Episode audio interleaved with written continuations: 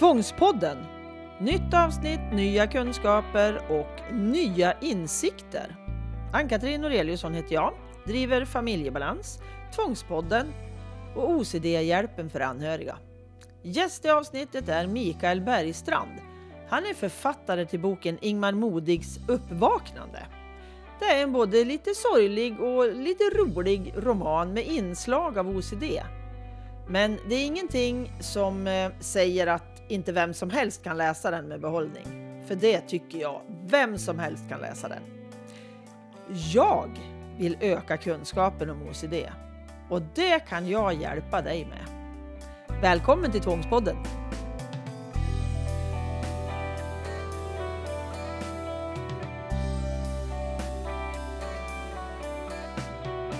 Hej Mikael! Hej hej! Välkommen till Tvångspodden! Tackar ödmjukast. Trevligt att få vara med. Ja, jag är jätteglad att jag hittade framförallt din bok. var ju liksom det första för mig. Men jag vill först att du berättar lite kort, vem är Mikael Bergstrand? Jag är en 60 år gammal man som eh, har jobbat som journalist i 30 år innan jag för 15 år sedan sadlade om till att bli författare på heltid. Aha. Så det har varit min eh, profession eh, ja, i, snart 15 år. Okay. Och eh, snart så kommer jag ut med min tionde roman. Jädrans, var det så många böcker du har skrivit? Ja, det har blivit en del. Ja, ja. Mm. okej. Okay. Mm. Och du bor långt Jag bor i, äh, ute i Rörum äh, som ligger ute på Österlen mm. I Skåne där vi just nu är väldigt insnöade så jag sitter här och trycker i min lilla skrivarlya. Okay. Eh, och jag har tidigare bott eh, på många ställen runt om i världen, på stor, i storstäder framförallt. Jag har bott i fyra år i New Delhi i Indien till exempel. Jag har bott i Stockholm, Köpenhamn. Den minsta stad jag har bott i är Malmö där jag är född. Nu har, jag blivit, nu har jag blivit en riktig lantis. Jag trivs ja, okay. otroligt bra eh, ute på landet mm. med, med stillheten och ron här ute. Mm. Skönt! Men jag är ju då jättenyfiken på vad det är som är anledningen till... Alltså Ingmar Modigs Uppvaknande heter ju boken som jag då har blivit så förtjust i. Mm. Och eh, det är alltså din nionde bok. Ja, min nionde roman. Sen har jag skrivit några fackböcker också faktiskt. Eh, men det är min nionde roman och den kom för ett år sedan lite drygt. Mm. Och anledningen till att jag skrev den, jag har ju skrivit flera romaner tidigare och jag har eh, ofta liksom utgått lite grann ifrån mig själv. Jag har ju bland annat skrivit en trilogi eh, som eh, utspelar sig i Indien då där jag bodde i fyra år mm. och som började med boken Delhis vackraste händer som jag tror att några av lyssnarna kanske har läst och kanske sett på TV. Den gick som en TV-serie för ett år sedan med ja, ja. Björn Kjellman i huvudrollen. Mm. Och den handlade om en man som flyttade till Indien och eh, blev väldigt förändrad där. Och eh, det var ju vad jag delvis gjorde även om det är fiktion jag skriver. Mm. Eh, så att jag har ofta använt egna erfarenheter nu när jag skulle skriva den här boken Ingmar Modigs uppvaknande så tänkte jag faktiskt att jag skulle blotta, liksom även för en större publik, min problematik med tvångs, tvångshandlingar och tvångstankar. Mm. Så att jag har alltså försett huvud, huvudkaraktären Ingmar Modig som också är en 60-plussare med tvångssyndrom. Mm. Och egentligen så är han och jag väldigt olika som personer för jag är egentligen en ganska, eller en, en ganska utåtriktad människa. Mm. Och, och, social och så. Det är inte Ingmar alls. Han är väldigt inbunden men vi delar ju tvånget. Mm.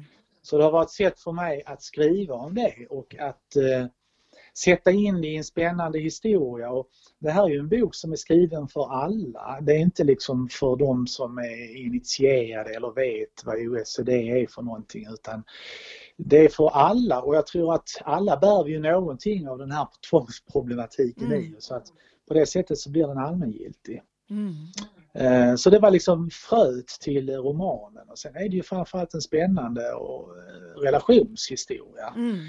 Ehm, så att även om det förekommer väldigt mycket av Ingmars tvångsbeteende, han räknar ju till exempel otroligt mycket, vilket jag själv har gjort mycket, mm. och ska dela allting med tre. Oh. Och, och, och, om det inte blir tre så ska han räkna ännu mer. Mm. Eh, och det där har jag använt som ingredienser i boken, en del av mina egna erfarenheter. Jag har också varit inlagd på sjukhuset för en fem år sedan och eh, det var ju ingen munter upplevelse men när jag skrev boken så kunde jag använda den, de erfarenheterna och eftersom jag skriver böcker som är Ofta har de ett allvarligt ämne men de är också ganska humoristiska. Mm, mm. Eh, det finns mycket humor i dem och jag kan se det komiska i tvångstankar också faktiskt. Mm, mm, alltså att det finns någonting roligt i det även om det är plågsamt och hemskt för den som har det så kan man faktiskt berätta om det på ett ganska komiskt sätt. Och det har jag gjort bland annat av hans vistelse på eh, Ingmar Modig, han hamnar också på, på psyket eh, och hur han då konfronteras med de andra där och hur han försöker, försöker eh, navigera i tillvaron där. Så att eh, de, de erfarenheterna har jag använt mycket i skrivandet. Mm. Och jag tänker, jag tar upp det här med humor som du sa. Mm. Jag tänker ju att det är en överlevnadsingrediens på något sätt i ens liv. Absolut, och absolut. Då särskilt när man har någon svårighet. Mm. Att man ska inte vara rädd för att göra det lite humoristiskt. Man ska inte skratta mm. åt, som man brukar mm. säga, utan vi ska skratta med tillsammans. Mm. mm. Att liksom göra det lite lättsammare på något sätt. Mm. Försöka absolut, hitta det. Absolut, jag tror också det är ju att använda humorn är ju också ett sätt att avdramatisera. Mm. För, för mig har det handlat mycket, jag har ju också brottats med det här med, med skam och ska man våga berätta men jag har ju också märkt att när jag väl berättar och kanske ibland med humor att det, det är ett, ett sätt för mig att avdramatisera det ah. eh, för mig själv och därför ah. blir det också mycket lättare att berätta om det. Precis.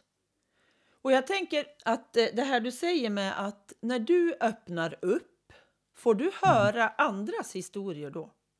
Absolut, när boken eh, kom så var jag väl med, jag var med i något tv-inslag och det har ju alltid stort genomslag. Då var det jättemycket mail jag fick från folk som delade eh, mina erfarenheter i olika grader för jag tror det är också väldigt, väldigt viktigt att säga att ett, en typ av tvångsbeteende är inte identiskt med ett annat. Vi är ju alla individer, vi har det i, i olika svårighetsgrader och på olika sätt men det är ett, en sak som vi brottas och kämpar med allihopa och jag tror att vi kan vi kan såklart lära oss utav varandra också och, eh.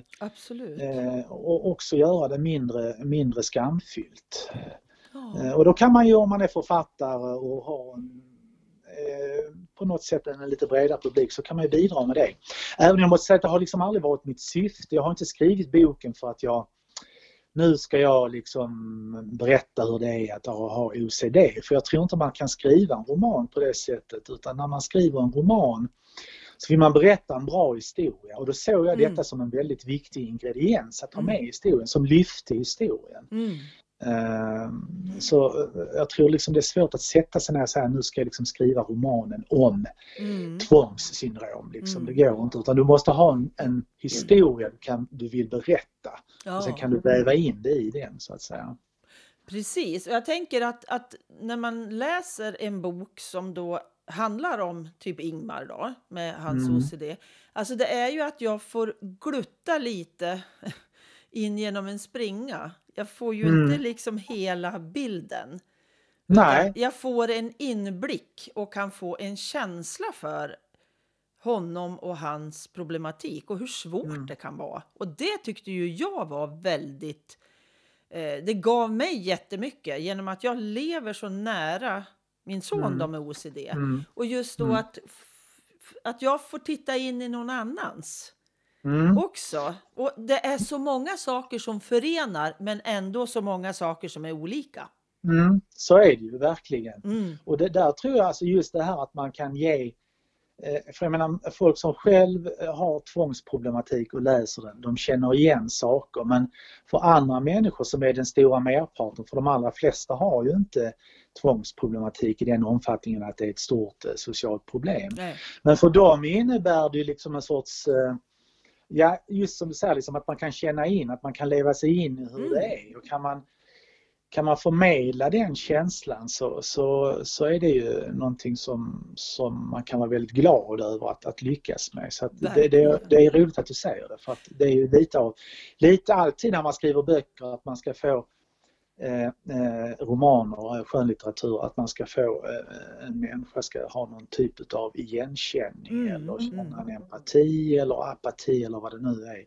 Att man skapar det hos eh, läsaren. Mm. Det är det viktiga. Ja, men och just det här att faktiskt få en liten inblick i, i kanske sin mans eh, OCD eller sin Mm. frus eller sitt barns, att jag får det på det här lite lättsammare sättet. Men Mm. jag kan ändå liksom få den där lilla glutten ändå. Jaha, kan det vara så där? För min, Mm. mitt barn eller min man eller fru kanske inte kan berätta det. Det Nej. kanske inte går att sätta ord på det för det är så svårt för en själv. Ja. Liksom. Och det kan ju vara väldigt svårt ibland att läsa fackböcker om Ja. det därför att de är väldigt teoretiska och de Ja. skriver kanske på ett sätt väldigt bra. Men, men, men om man kan eh, få in den här problematiken i en berättelse som berör så blir Mm. det nog mycket mer levande och kanske Mm. lättare att förstå också. Precis. Så där tror jag liksom att man har att det är väl en styr, det är väl styrkan man har som skönlitterär författare, att man har tillgång till hela känsloregistret och att man faktiskt kan, kan bestämma liksom hur, hur handlingen ska, ska fortskrida och hur olika saker påverkar olika människor. Mm. Och, eh, kan man göra det med en viss inlevelse och med, om man har en viss erfarenhet av det så kan man ju också nå ut med det. Ja, men alltså det är ju en jättestor del i det här, min devis då, att skrota skammen, därför att man får se de här knäppa sakerna då som man tycker att han Mm. gör när han klappar sig på benet eller sitter på en Mm. tidning eller så. Mm. Alltså man får ju en förståelse för varför. Mm. Mm. Och det är ju det Mm. jag tycker är så jäkla viktigt. Vi, måste ju be- vi behöver ju faktiskt sätta oss in i varför gör den här Mm. personen så. Den är ju inte knäpp. Den gör ju det Mm. på grund av sin ångestdämpning. Liksom. Ex exakt. Ett sätt att bearbeta ångesten Ja. eller att, att hålla den i schack eller vad det nu Ja. eh, är. Så eh, absolut är det så och eh, som sagt där, där tror jag verkligen att, att, att, att skönlitteraturen är överlägsen annan litteratur. Ja, att förmedla den här känslan. Ja. Ja, Det- jag det- plöjde den jättefort för jag tyckte den var så bra. Så att, eh, Och sen så försöker jag också berätta en spännande historia. Ja, visst, Liksom, visst. Att, det, att det, det här är spännande och det Mm. här är också en man som har sitt handikapp men han är ju som hans namn antyder en väldigt modig man också. ja, Och han är inte modig bara i det att han vågar konfrontera sina egna tvångstankar utan han är också modig i ett vidare perspektiv som människa. jättefint tycker jag. Mm. Jag tyckte det var jättefint. Men jag tänker på om vi tittar tillbaks på dig Mikael. Hur, hur var Mm. det för dig liksom? När du, du är 60 sa du. Ja, Och var du Eh. ung eller vilken ålder var du i? Liksom? Ja, alltså när det debuterade egentligen, eh, om man säger som en riktig tvångstanke. Eh, det var mer liksom, det var mer en specifik tanke. Alltså, jag mådde nog ganska bra får jag säga och, och var en harmonisk, kanske lite känslig pojke fram till jag var 15-16 år. Men då drabbades jag utav någon typ av, kan man säga liksom, ja det var lite, lite äckel inför mig själv, en äckelkänsla. Jag, jag vet att jag hade börjat svettas i händerna, jag tyckte det var så vansinnigt äckligt och det kan man göra när man är tonåring och i puberteten. Och jag blev så besatt av detta så jag gick och torkade mig eh, mot byxbenen hela tiden och jag vågade inte ta folk i händerna. Och det växte och växte och växte och blev en, en tanke som tog över mer och mer, som tog över otroligt mycket utav, eh, utav hela mitt jag. Så att även om jag utåt sett var en, en hyfsat fungerande eh, ung man eller vad man ska Mm. säga så brottades jag ju med detta hela tiden. Eh, sen när jag ser tillbaka så vet jag att jag hade mycket som ju många också har kanske när de är yngre. Jag har i alla fall hört andra som också har berättat att de har haft liknande som sen har växt bort. Jag hade mycket tankar om att min mamma skulle dö när jag var barn och att jag var tvungen att springa upp för trappan och hinna upp till ett speciellt trappsteg innan dörren slog igen. För om jag inte hann upp mm. så skulle mamma ligga död i sängen när jag gick in. Så jag hade mycket sådana katastroftankar också parat mm. då med det här tvånget som, som kom då väldigt starkt och som nog eh, kan man säga eh, ja det gjorde det, det gjorde det svårare för mig liksom att eh, att vara ung och glad. Och jag vet att jag väldigt tidigt använde alkohol i rätt så stora mängder. Mm. Och det var ett sätt för mig att liksom släppa loss och komma bort från tankarna. Mm. Kunde du släppa tvångerna och då?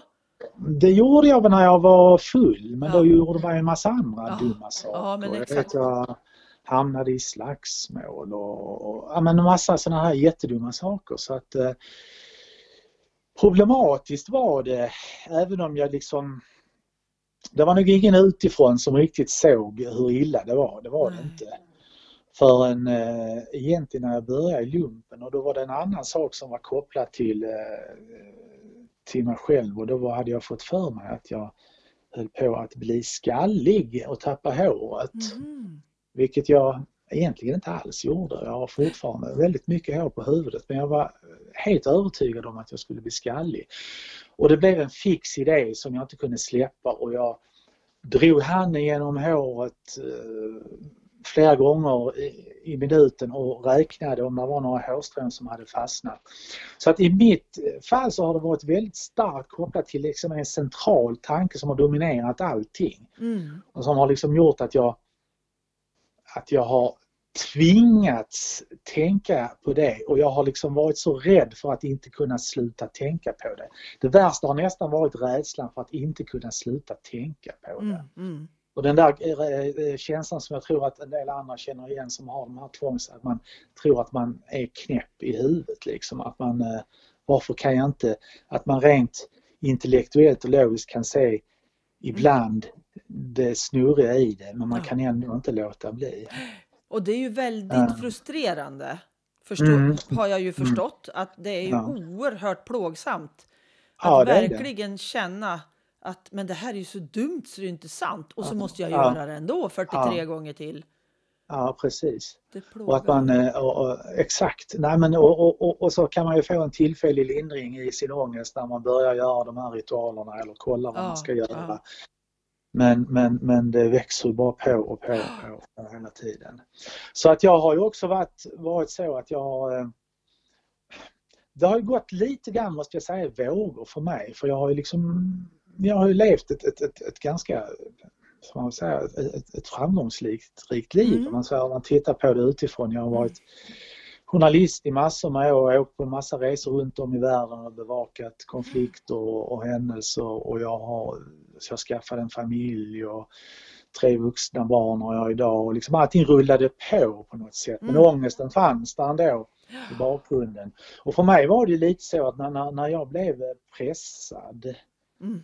Alltså om det var någonting i mitt liv som gick mig emot, mm. om det var någonting i yrket, någonting i relationen, då växte sig tvånget väldigt, väldigt starkt. Mm. Mm. Så att jag kunde liksom nästan, mitt tvång blev ju en barometer på hur jag mådde in, egentligen när det gällde inom andra områden kan man säga. Mm. Och då använde jag och har använt alkoholen väldigt mycket så jag har ju, numera är jag nykter alkoholist sen, mm. sen ja, det är faktiskt två år sedan jag slutade dricka helt. Okay, och det var ju när jag höll på att skriva äh, boken i, i den vevan faktiskt. Okay. Mm. Eh, så att eh, eh, Nej men, men, men eh, när det blev den totala genombrottet när jag blev inlagd som var 2013, då var det ytterligare en annan sak, då var det mina fötter som äcklade mig och då var jag liksom helt besatt utav det och då var jag ändå liksom en uh, vuxen man på 53 år men jag bröt ihop totalt. Och då blev jag inlagd och var väl inlagd i två, två och en halv månad tror jag på sjukhuset. Och, och fick medicin då också. Eh, ingen, ingen annan typ av behandling. Eh, eh, men, men ändå så eh, sakta men säkert efter det så, mm. så, så kom jag tillbaks och jag skulle nog säga att idag även om jag fortfarande, jag äter fortfarande medicin men i en mycket mindre dos än tidigare och har Mm. trappat ner och sen det här att jag har slutat dricka. Det har faktiskt varit otroligt viktigt för mig när det gäller tvånget också. Ja. Jag tror det finns många där ute som använder alkoholen i självmedicinerande syfte. Jag är helt övertygad om det. Absolut. Ja. Därför att det är en sån sjukdom som bjuder in till Ja. det. Det är så lätt liksom, så tar man de där Mm. vinglasen och så känner man att åh nu är det lite lättare och sen så rullar det på. Det tror jag är, var jätteviktigt för mig. Och sen är det väl så att jag det kanske viktigaste då, bortsett från att jag har slutat dricka, det är att jag ju faktiskt nu också pratar om det öppet och accepterar att jag har det. Och det är ju det som är liksom lite den där trollformen, eller man, man säger att om man tar ut eh, trollen i solen så spricker de. Och det stämmer ju faktiskt för jag märker ju det att och sen finns det ju en onödig rädsla hos många som har eh, psykiska problem att de tror att folk ska eh, ta avstånd ifrån Ja. dem när de berättar. Mm. Men det, det, det, det, så är det inte. Mina erfarenheter är faktiskt tvär, precis tvärtom. Precis. Att när man berättar så nästan alla människor man möter, även om de inte förstår det, så kan de uttrycka en empati och de kan lyssna och, och, och jag har faktiskt inte mött på det någon gång i vuxen ålder i alla fall. Det är kanske svårare när man är barn. För, Mm. Men i, i vuxen ålder har jag aldrig mött på att någon, ja, det är kanske någon som har tyckt att själva sjukdomen är konstig men de tycker inte att jag är konstig för det och att jag, ju mer jag berättar ju mer kan de förstå. Så att eh, det är också en viktig sak det där som hänger ihop med, med hela skamkulturen som Mm. vi lever i. Som gäller ju både alk alkoholism och tvång och all- alla typer utav, av eh, sådana här skamfyllda eh, handikapp eller åkommor Ja. som vi har. Precis, och det är bedrövligt det här tycker jag att man ska måste känna skam eller att måste måste man ju inte men att Mm. man, man har den känslan att jag är dålig på något vis. För det är ju inte Mm. så att jag är ju inte min OCD. Jag har OCD. Ja, Alltså jag och OCD är ju inte samma sak. Det är ju Nej, verk, verkligen inte. det är ju olika saker liksom. Och Det- jag kan faktiskt verkligen. bli Ja. väldigt mycket friskare. Ja. Det är väl en av fördelarna med OCD. Det finns ju inte så många fördelar med OCD. Men just det här Mm. att jag kan faktiskt bli väldigt mycket friskare eller helt frisk. Faktiskt. Jo, men man försöker vända. Jag kan ju säga jag hade inte kunnat skriva den här boken heller om inte jag hade haft OCD. Så Nej. på det sättet kan jag ju tacka OCD för att jag kunde skriva en bok. Ja. Som ju för övrigt också ska filmatiseras. Den ska bli, eh, Jaha, ska den? bli långfilm eh, riktigt nära. Nu har det blivit, i de här pandemitiderna så har det ju Ja. allting skjutits på framtid. Men man jobbar med manus och regissör nu så att eh, inom ett par år kanske vi kan se den på, på en bioduk. Lagom till att vi får gå på bio igen kanske. ja, men precis. Då vill, jag ha en, pandemin. då vill jag ha en fribiljett. Jag går normalt inte på bio för jag kan inte sitta still Ja. så länge. Men den filmen vill jag se. Ja. Det ska vi ordna, det ska vi ordna. Det låter bra. Men Mm. jag tänker så här. Alltså du, säger, du sa att det är bara medicin som du har fått som behandling. Nej, jag har ju prövat, alltså genom årens lopp, nu är jag så pass gammal så att jag började Redan när jag var i 20-årsåldern så började jag, jag har prövat nästan alla terapiformer som finns i, i Sverige. Jag. Alla behandlingstyper. Och jag har ätit medicin i olika perioder mot alltså sådana här Mm.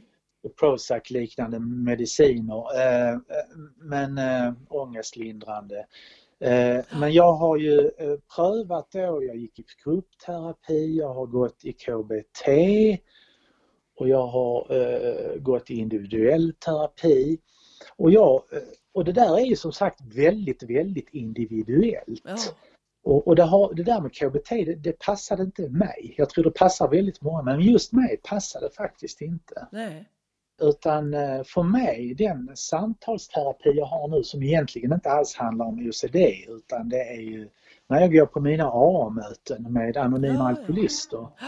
Det är ju ett sätt, eh, det är faktiskt en, en, en samtalsform som är otroligt eh, Kraftfull. otroligt stark. Ja. Det där med att man får berätta något som li ligger en nära som man vill få ut. Och att man får berätta fritt utan att bli avbruten Mm. eller att få motfrågor. Mm. Och jag tror faktiskt att det skulle kunna fungera och det är möjligt att det finns grupper, OCD-grupper där man jobbar på det sättet. Det känner jag inte till men jag skulle kunna tänka mig att det skulle fungera eh, också i, i den gruppen väldigt bra. Mm.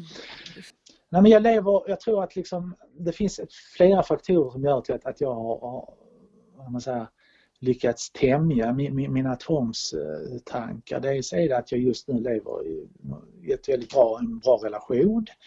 Mm. Eh, sen något år tillbaks. Eh, det är att jag har fått ro i och med att jag har flyttat ut. Jag har, jag har ju levt ett ganska stressigt liv. Jag var journalist i många år och det är mycket, mycket tidspress man lever under. Eh, nu jobbar jag för mig själv i min egen takt. Mm. Det är förvisso jobbigt att skriva böcker ibland men det är ändå man är, man är liksom herre över sitt eget jobb på något sätt. Och det, mm. och det i kombination med, med, med, naturen som också har varit en väldigt läkande kraft för mig. Oh. Som jag har här på ett helt annat sätt än när jag har bott i storstäder. För jag hade ju alltid trott att jag var en stadsmänniska och okay. jag gillar fortfarande städer men jag är nog egentligen en riktig lantis. Okay. Jag gillar rytmen här ute mycket mer och årstidens eh, tidernas växlingar som man upplever mm. på, ett, på ett helt annat sätt. nära annat sätt. Precis. Så det finns många faktorer. Det som var viktigt det är väl liksom det där att, att ta hand om sig själv och det gäller väl också människor med OCD. Att liksom mm. försöka göra tillvaron så bra som möjligt. För att jag tror att tvånget påverkar så väldigt mycket av hur vi har det i övrigt. Jag säger inte att man kan bota det kanske helt eller bli av med det. Men man kan göra det så ofantligt mycket mindre plågsamt mm. att man faktiskt, eh, som nu för tiden, jag tänker väldigt sällan, det går många dagar utan att jag tänker på mina tvång. Mm. Det händer att jag gör det men jag blir inte panikslagen som jag Nej. blev förr utan jag kan eh, men jag märker också precis, alltså det är som en barometer, händer någonting i mitt liv som är jobbigt, pang, då slår det på. Men då vet jag vad det är. Och då kan jag liksom på något sätt resonera lite grann med mig själv i den situationen. Och, mm. Eh, så att, eh, ja. Men jag tänker på när du har varit utomlands, hur, hur har mm. liksom det påverkat ditt tvång? När du har bott någon annanstans, har det varit likadant då eller? Har det varit ja. liksom det här med mat, sömn, ordning och reda, bra relation? Är det liksom det som har behövt vara det basen liksom för att... Ja, nej, men jag vet att under den perioden när jag bodde i Indien, jag bodde fyra år i Indien och det är ett väldigt kaotiskt land. Ja. Alltså, jag bodde i New Delhi där det bor 20 miljoner människor. Och man kan aldrig vara ledig någon, man kan aldrig vara ensam någonstans någon gång nej. nästan, utom just i sitt hem. Eh, och när jag tänker tillbaks på den tiden nu så var det, jag hade en, ett rätt högt eh, stresspåslag. Och jag hanterade mig både bra och dåliga grejer. Jag tränade mycket vilket var bra för mig. Det gjorde att jag hade det och att kroppen mådde bra. Men jag drack också eh, alldeles för mycket. Eh, och det var lätt att göra i vissa sammanhang där liksom att eh, man hamnar i vissa sociala sammanhang där man dricker mycket och, och det har jag alltid eh, liksom använt som en eh, en tillflyktsort. Precis, ett, ett dåligt självmedicinerande kan man säga. Ja, absolut. Mycket dåligt och eh, eh nedbrytande på alla sätt. Inte ja. bara för psyket utan ju för kroppen också. Nej, men alla inre organ. Så. Mm. Precis. Men, men visst, jag har ju bott och det har varit jobbigt men jag har liksom, jag tror att jag har haft det där att jag ska klara av det, att jag har varit en duktig pojke. Okay. På något sätt. Så att jag har ju liksom aldrig varit sjukskriven. Det var ju första gången när jag blev inlagd på på sjukhuset där 2013. Jag visste inte hur jag skulle göra med Försäkringskassan. Jag hade inte haft kontakt med Försäkringskassan på 20 år. Jag visste knappt vad det var.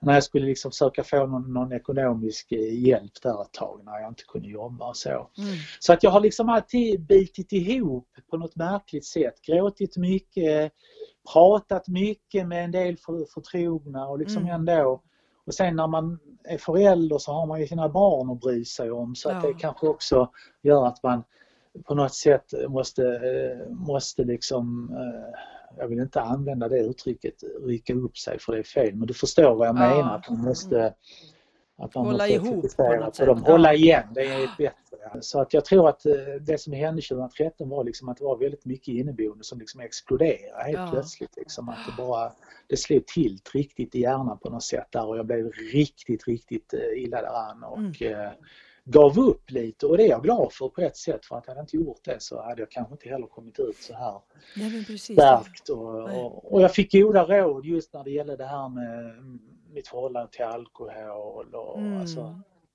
se över din livssituation. Det finns saker man kan göra som kanske var och en för sig Mm. inte, inte gör den största skillnaden men tillsammans kan de Mm. göra det. Jag tror, jag tror mycket på det där. Ja, precis. Lite instruktioner och lite hopp, tänker jag det låter som. Ja, ja faktiskt. Det är ju väldigt viktigt det där. Ja. Att få hopp och känna att man... eh, eh, Och sen så i mitt fall, jag vet ju inte liksom vad ni har för inställning till det där med medicin. Jag tror inte heller att... Jag är inte någon pillertrillare, verkligen inte. Men jag tror att i det, i det skedet jag var så var det nog nödvändigt. För att jag var, Mhm. alltså jag var väldigt, väldigt dålig då. va. Och, eh, Ja. eh, för att bryta det. Och så, så nu kan jag känna att nu är jag stabil, nu har jag gått ner mycket, jag har fortfarande lite kvar för att jag vågar inte riktigt släppa det. Men, men, jag, men jag lever liksom ett, ett, ett fullständigt liv idag och det är ju hoppfullt att och, Mycket. och kunna säga till andra som också har kämpat lång tid med detta att det finns vägar ut, gör det verkligen. Ja. Alltså. Ja, det är fantastiskt att få höra, Mm. tycker jag. Mm. Som är Mm. förälder då och inte har OCD själv, men lever ändå Mm. i en, en Mm. OCD-värld kan man säga.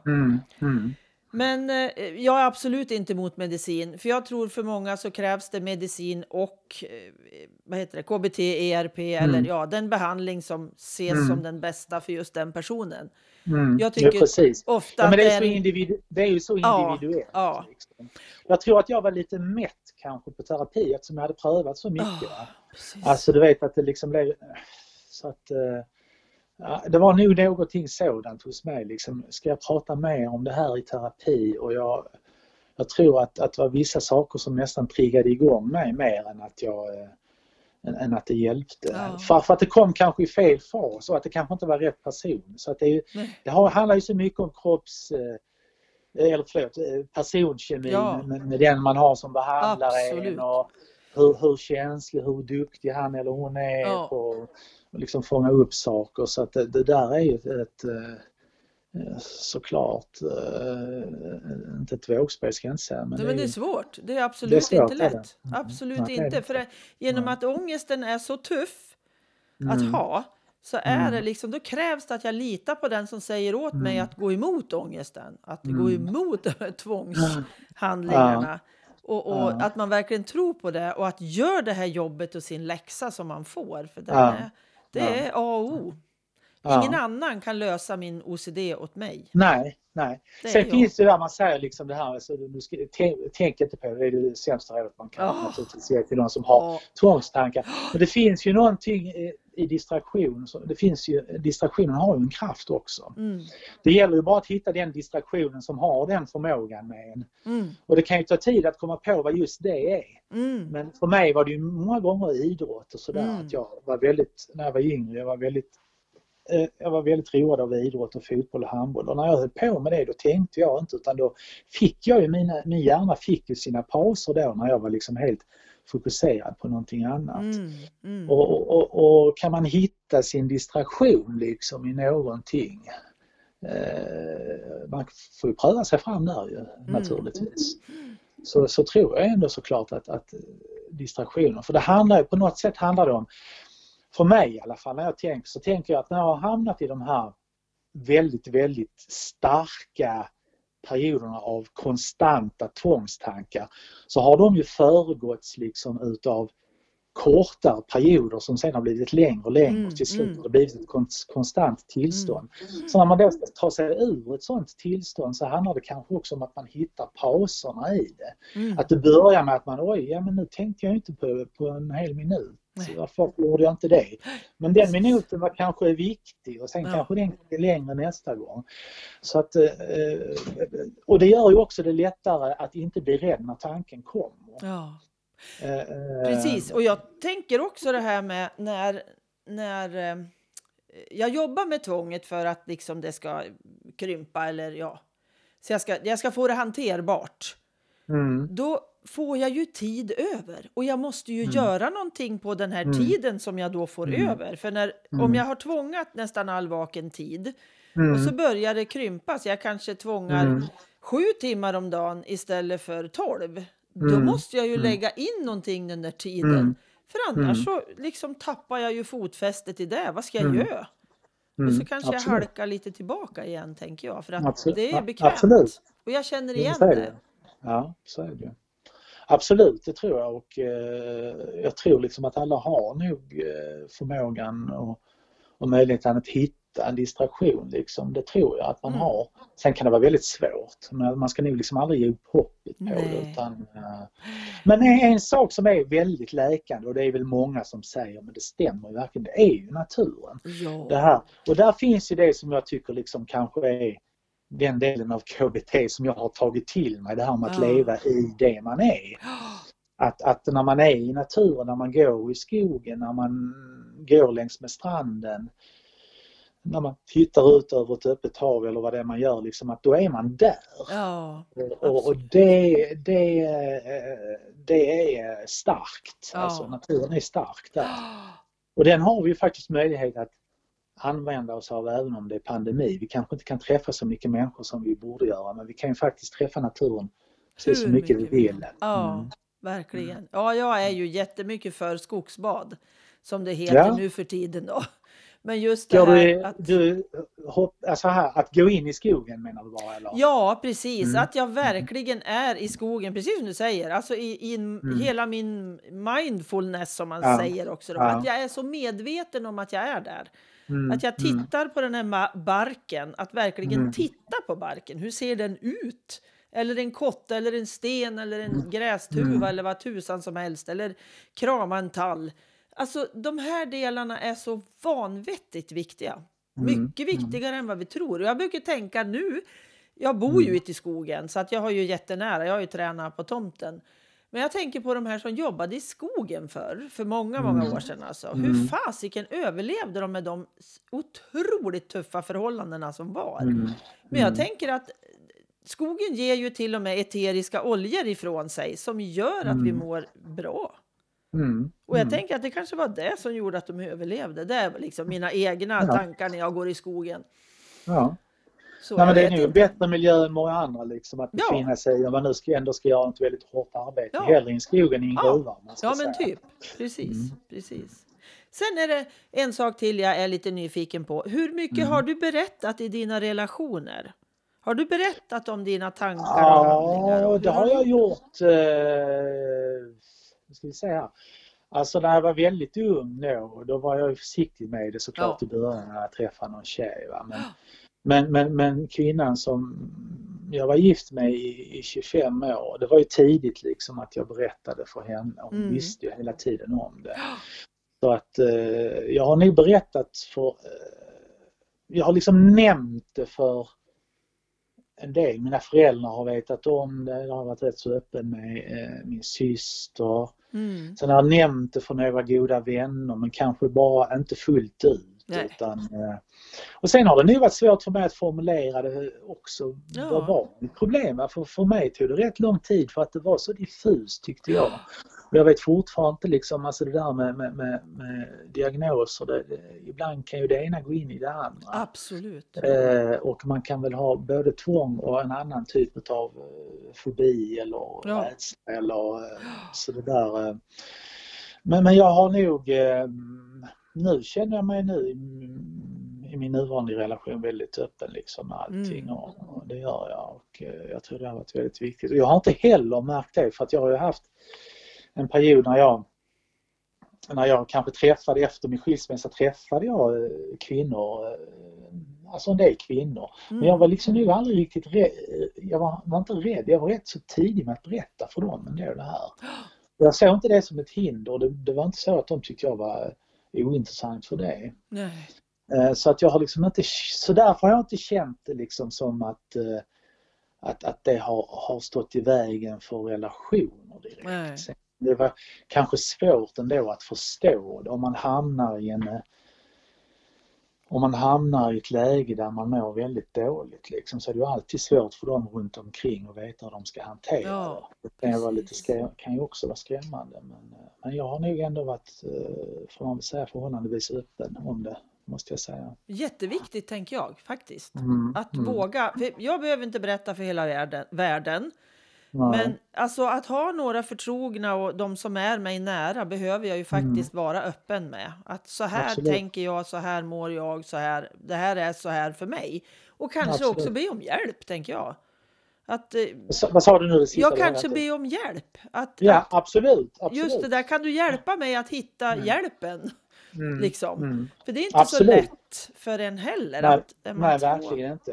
Och sen Kan jag ju säga liksom att det finns ju, det, det, det är inte lätt kanske alltså, att leva med någon som har en, en, en tvångsproblematik. Det är en väldig belastning. Mm, Det mm. måste ju du känna som, som, har, som är anhörig. Alltså Ja. det, det är ju någonting som är tufft. Va? Och, och, och, och det är svårt för den som är sjuk själv att kanske se hur jobbigt det är för andra. Ja, ja. Det, Det kanske man... svårt. Eh, nu kan jag liksom se det. Jag kan se i mitt äktenskap att det var nog inte så lätt för min fru alltid att, Nej. eh, att hantera det. Hon gjorde det så gott hon kunde. Mm, Och, mm. eh, det är inte lätt liksom. Det måste man vara medveten om. Ja men precis och det stödet till anhöriga är uruselt i, i hela Mm. vårt land. Mm. Det är så dåligt, särskilt när man har kommit över 18-årsgränsen och då anses som vuxen. Ja, ja. Då får man ju inte vara med som förälder om, om den som har OCD säger nej. Det är ju bara så. Nej, Men jag nej. måste ändå på något vis veta vad jag ska göra som anhörig. ja, För ja, annars så går det ju väldigt fel om jag Ja. gör fel saker. ja, ja. För det går inte att räkna ut med sitt sunda förnuft hur jag ska bete mig som anhörig om jag inte vet. Nej. För då gör Men sen är det väl fel. också så att vi gör fel. Vi människor Ja, gör fel. Det tillhör absolut. väl också liksom det mänskliga på något sätt. Eh, man gör så gott man kan. Ja, Och det får väl vara gott nog med det. Liksom, ingen är perfekt och ingen kan, eh, kan veta exakt hur man ska bemöta en annan människa. Men, eh, alltså med någon sorts gru- grund i empati och, och sen som du säger, det är klart att man måste, om man lever nära i en sån relation, eh, om man har ett barn eller en, en Mm. partner som har tvång, att man vill veta lite mer specifikt om, om vissa saker och sådär. Men, men, men, men eh, ja, man är, vi är ju människor allihop, så är det bara. Absolut. Och det är Ja, inte lätt att vara människa oavsett om man har tvångssyndrom eller inte. Det, det, det innebär utmaningar för ja, oss det alla. gör det. Men det komplicerar livet mer tycker jag. med- Absolut, För den som absolut. har OCD. Helt klart. Absolut, så är det ju. Mm. Vad jätteroligt att prata med dig Mikael. Det är så intressant för jag tycker det är så spännande att höra andras upplevelser och för ofta så har de en sån tydlig röd tråd med Mm. våra egna upplevelser Mm. när Mm. man lyssnar på någon annan. Och jag tänker Ja. så här, jag ser ju, jag förstår ju att du har ju tagit med, du vi ska inte berätta någonting mer om boken så, mer än att jag förstår ju, för det finns ju en journalist i boken och det Mm. finns en liten indisk flicka. Ja, hon är Nej, inte hon är indisk. inte Hon är indisk. från Syrien. Så är det, så är det. Ja, just det. Hon Hon, är är inte Syrien. indisk. Nej, hon är Just inte indisk. Nej, men hon kommer Ja. någon Nej, men visst, jag plockar och, och, och, och så är det. Jag plockar lite. Mm. Det har jag alltid gjort när jag har skrivit böcker, att jag plockar ganska mycket från mina egna erfarenheter. Mm. Sen är det naturligtvis fantasi, en, en väldig massa Ja. fantasi också. Precis. Att, eh, är. Precis. Men du är inte så lik den där journalisten va? Nej, det hoppas jag inte. För han är inte så rolig, Nej. kan vi väl Nej, avslöja. nej han var inte så kul. Ja. Men ni får, ni får läsa boken. Men man kan väl ändå säga liksom att boken, det, det här är ju en bok som ändå är en, en hoppfull bok. Ja, absolut, Den visar ju också en väg ut. Ja, Och, och, och den, den väger ju inte för, för tunga ämnen men Nej. det är ändå en bok som är eh, jag tror i alla fall, vad jag har hört av folk som läser, att, att, att man blir lite ledsen men också ganska glad när man Ja. läser den.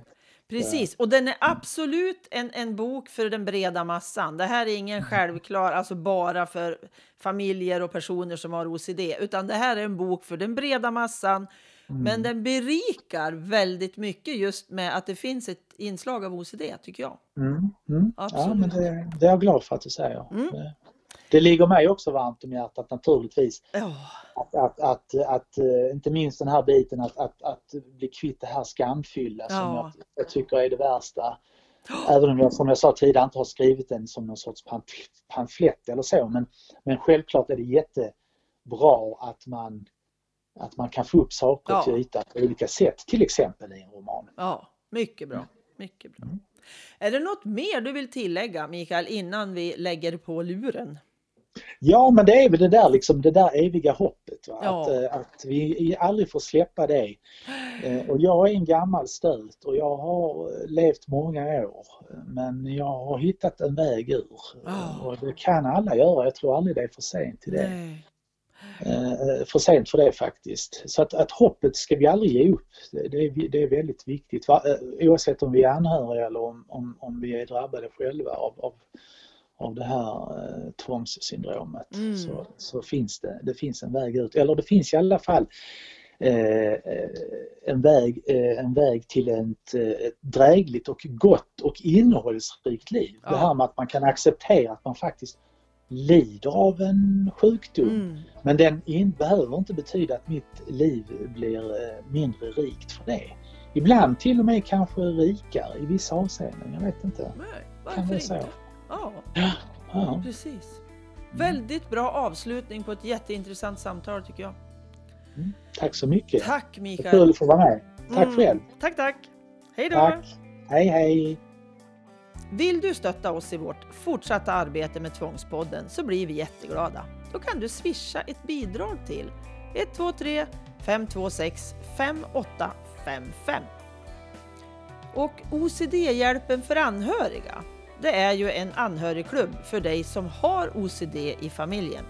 Du anmäler ditt intresse för information på familjebalans.se.